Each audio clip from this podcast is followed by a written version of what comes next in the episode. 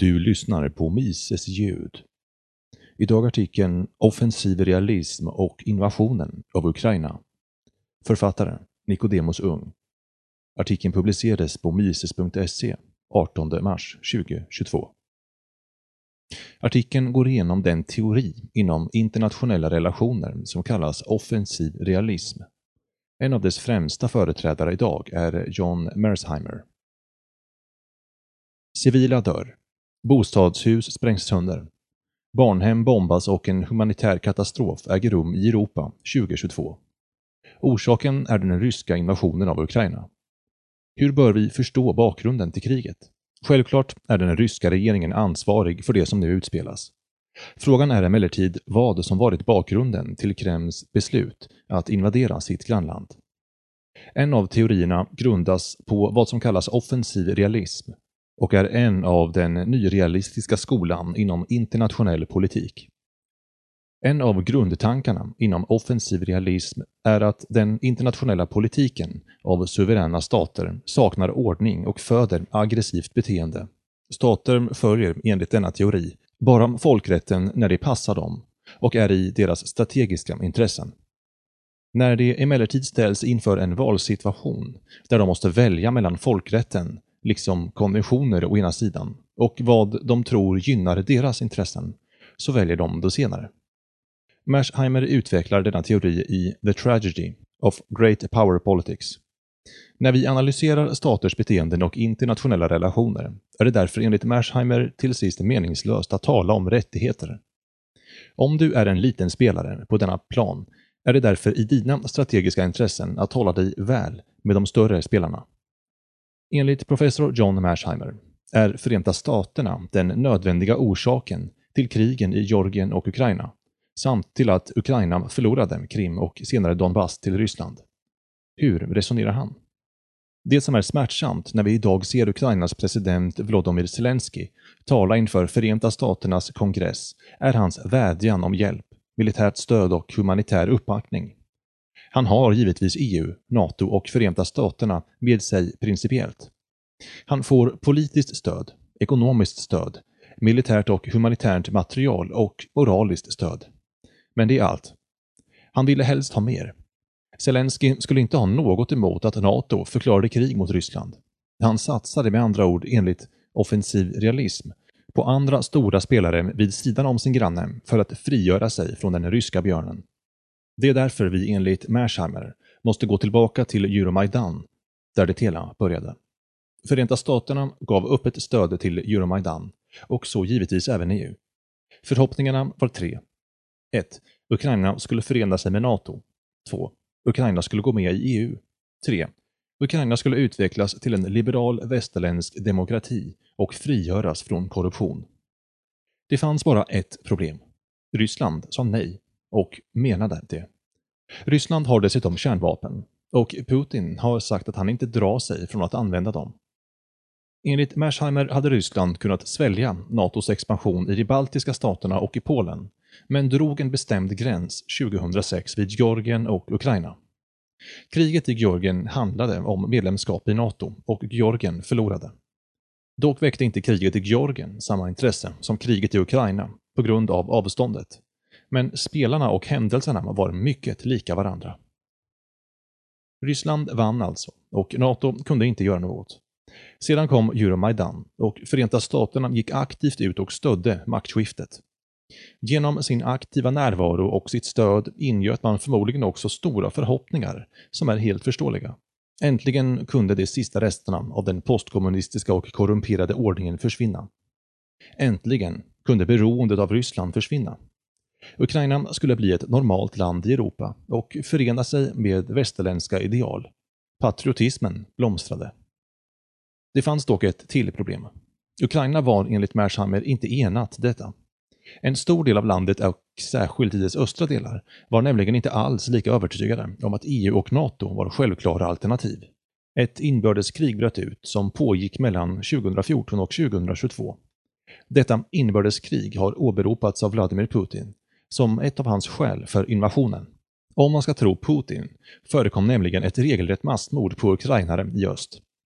Enligt det ryska narrativet handlar det dessutom om nazistiska ukrainare som aktivt diskriminerar och utövar våld och mord på ukrainare som har sympati med Ryssland. Separatisterna på Rysslands sida gavs givetvis också militärt understöd från den ryska regeringen. Parallellt gav Ukraina de miliser som kämpade mot separatisterna sitt stöd. Ukraina hade samtidigt stöd av Förenta Staterna. Det var ju deras suveräna rätt att ta tillbaka sitt land. Vi ser således här en upprepning av det kalla kriget där Sovjetunionen respektive Förenta Staterna stöder var sin sida. Flera inbördeskrig i Latinamerika och Asien gör sig påminda. Om vi här lämnar Mersheimer är den väsentliga frågan givetvis om den ryska regeringen har rätt. Svaret måste vara att den ryska regeringen överdriver detta, men att den sida som förnekar att övergrepp ägt rum också har fel. En indikation ges av FN, liksom av Amnesty International och Human Rights Watch. Enligt FN är det 3393 personer som avlidit och över 7000 som skadats på grund av kriget i östra Ukraina mellan 2014 och 2021. De har alltså dödats på grund av båda sidornas krigsföring. I FN-rapporten heter det During the entire conflict period, from April 14, 2014 to September 30, 2021, OHCHR recorded a total of 3,095 conflict related civilian deaths. Taking into account the 298 deaths on board Malaysian airline flight MH17 on July 17, 2014, the total death toll of the conflict on civilians has reached at least 3,393. The number of injured civilians is estimated to exceed 7,000. Enligt Amnesty International och Human Rights Watch har den ukrainska sidan, benämnd SBU i rapporten, utfört både tortyr, kidnappningar och mord i regionen. I Amnestys rapport med rubriken “You don't exist” heter det In three cases detailed in this report, the SBU allegedly continued the enforced disappearances, keeping the individuals in unacknowledged detention for periods ranging from six weeks to 15 months. One individual was exchanged, the other two simply released without trial. With regard to two of the individuals, there is no record whatsoever of their detention. The June 2016 UN report noted that the cases of incommunicado detention and torture brought to their attention in late 2015 and early 2016 mostly implicate SBU, and specifically mention the SBU compound in Kharkov as an alleged place of unofficial detention. Based on research findings detailed in this report, Amnesty International and Human Rights Watch believe unlawful, unacknowledged detentions have taken place in SBU premises in Kharkiv, Kramatorsk, Ishiam, and Mariupol. We received compelling testimony from a range of sources, including recently released detainees, that as of June 2016, as many as 16 people remain in secret detention at the SBU premises in Kharkiv, Ukrainian authorities have denied operating any other detention facilities than their only official temporary detention center in Kiev, and denied having any information regarding the alleged abuses by SBU documented in this report. Most interviewees told Amnesty International and Human Rights Watch that they were tortured before their transfer to SBU's facilities. Several also alleged that after being transferred to SBU premises, they were, variously, beaten, subjugated to electric shocks, and threatened with rape, execution, and retaliation against family members, in order to induce them to confess involvement with separatism related criminal activities or to provide information. Precis samma övergrepp har också separatisterna begått mot personer som man har misstänkt haft samröre med SBU. NATO NATO har en policy att aldrig helt stänga dörren för medlemskap åt något land sedan Euromaidan har emellertid den ryska regeringen just efterfrågat en sådan policy av den amerikanska regeringen. De ryska kraven har varit två. 1. Att NATO inte utvidgas till att omfatta Ukraina och Georgien. 2. Att NATO inte placerar missiler i något av de länder som ligger i Rysslands närhet. Dessa anspråk tillämpar för övrigt Förenta Staterna själva. Det kallas Monroe-doktrinen. Enligt Mersheimer ser vi här med andra ord en rysk motsvarighet till denna doktrin. Vem tjänar på kriget i Ukraina? Innan Euromaidan var det få som trodde att Ryssland en dag skulle gå in i Ukraina och annektera Krim och en stor del av den östra delen av landet. Frågan är således hur Euromaidan och Förenta Staternas stöd till den nya regeringen i Kiev uppfattades i Kreml. Det vi vet är att man explicit motsatte sig denna utveckling och åberopade säkerhetspolitiska skäl. Detta leder tankarna till frågan om vem som tjänar på kriget. Är det så att Förenta Staternas öppna policy är att isolera Ryssland ekonomiskt och socialt från Europa och låter Ukraina ta smällen? Det kan synas vara en onödig detalj i sammanhanget. Men vad är det som egentligen idag rättfärdigar att Förenta Staterna har militärbaser i Europa och exempelvis i Tyskland och i Östeuropa? Är det inte så att den permanenta militära närvaron av Förenta Staternas militär behöver en närvarande fiende att bekämpa? Enligt Mersheimer är denna politik dock ytterst skadlig för Förenta Staterna själv. Ryssland har bara en bråkdel av den militära kapacitet som Förenta Staterna har. Det man har gjort nu är att driva Ryssland i händerna på den makt Mersheimer ser som den egentliga utmanaren av den amerikanska hegemonin, Kina. Det är ett cyniskt maktspel som nu äger rum mellan två storspelare i internationell politik. Kostnaderna i mänskliga lidanden är mycket höga. Pyrrhus seger. I det sämsta scenariot förlorar alla parter på denna konflikt. Ukraina har redan förlorat Krim och den östra delen av landet och riskerar att förlora ännu mer. Den mänskliga tragedin i civila offer går inte att mäta. Förhoppningsvis kommer inte de förlora mer.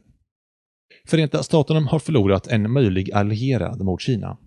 Europa har förlorat en handelspartner i Ryssland och Ryssland har för lång tid framöver förlorat anseende i Europa. Den enda vinnaren är på sätt och vis Kina, som nu kan utnyttja Rysslands ekonomiska beroende. Därför har John Mersheimer sannolikt rätt. Alla stater visar ett psykopatiskt beteende. I en libertariansk analys finns det ingen stat som har god moral och baserar sin maktutövning inom landet på rättvisa principer. En stat är monopoliserad våldsutövning på en region över tid. Dess representanter och oberoende av statsskick frånkänner alltid de rättigheter för sina subjekt som man tar sig själva, såsom rätten till mord, bedrägeri, stöld via skatter och exploatering av andras privategendomar. Det är därför inte förvånande att stater uppvisar samma psykopatiska beteende i internationella relationer, även då det är uppenbart att de själva inte långsiktigt gagnas av beteendet. Det går sedan givetvis att spekulera i vilka som tjänar ekonomiskt på krig och på militär upptrappning, men då besluten i staten till sist faller på politiker som Putin och Biden, så bär de det yttersta ansvaret. Den djupa staten är givetvis värd att granska i detta och det finns anledning att återkomma med en analys som faktiskt följer de ekonomiska incitamenten för krig, för sådana finns. Och i förhållande till politisk och ekonomisk makt tas aldrig större hänsyn till de civila och däribland barn som idag får lida på grund av den ryska invasionen. Den ryska invasionen måste fördömas, men så även Förenta Staterna som bär en stor del av skulden för upptrappningen.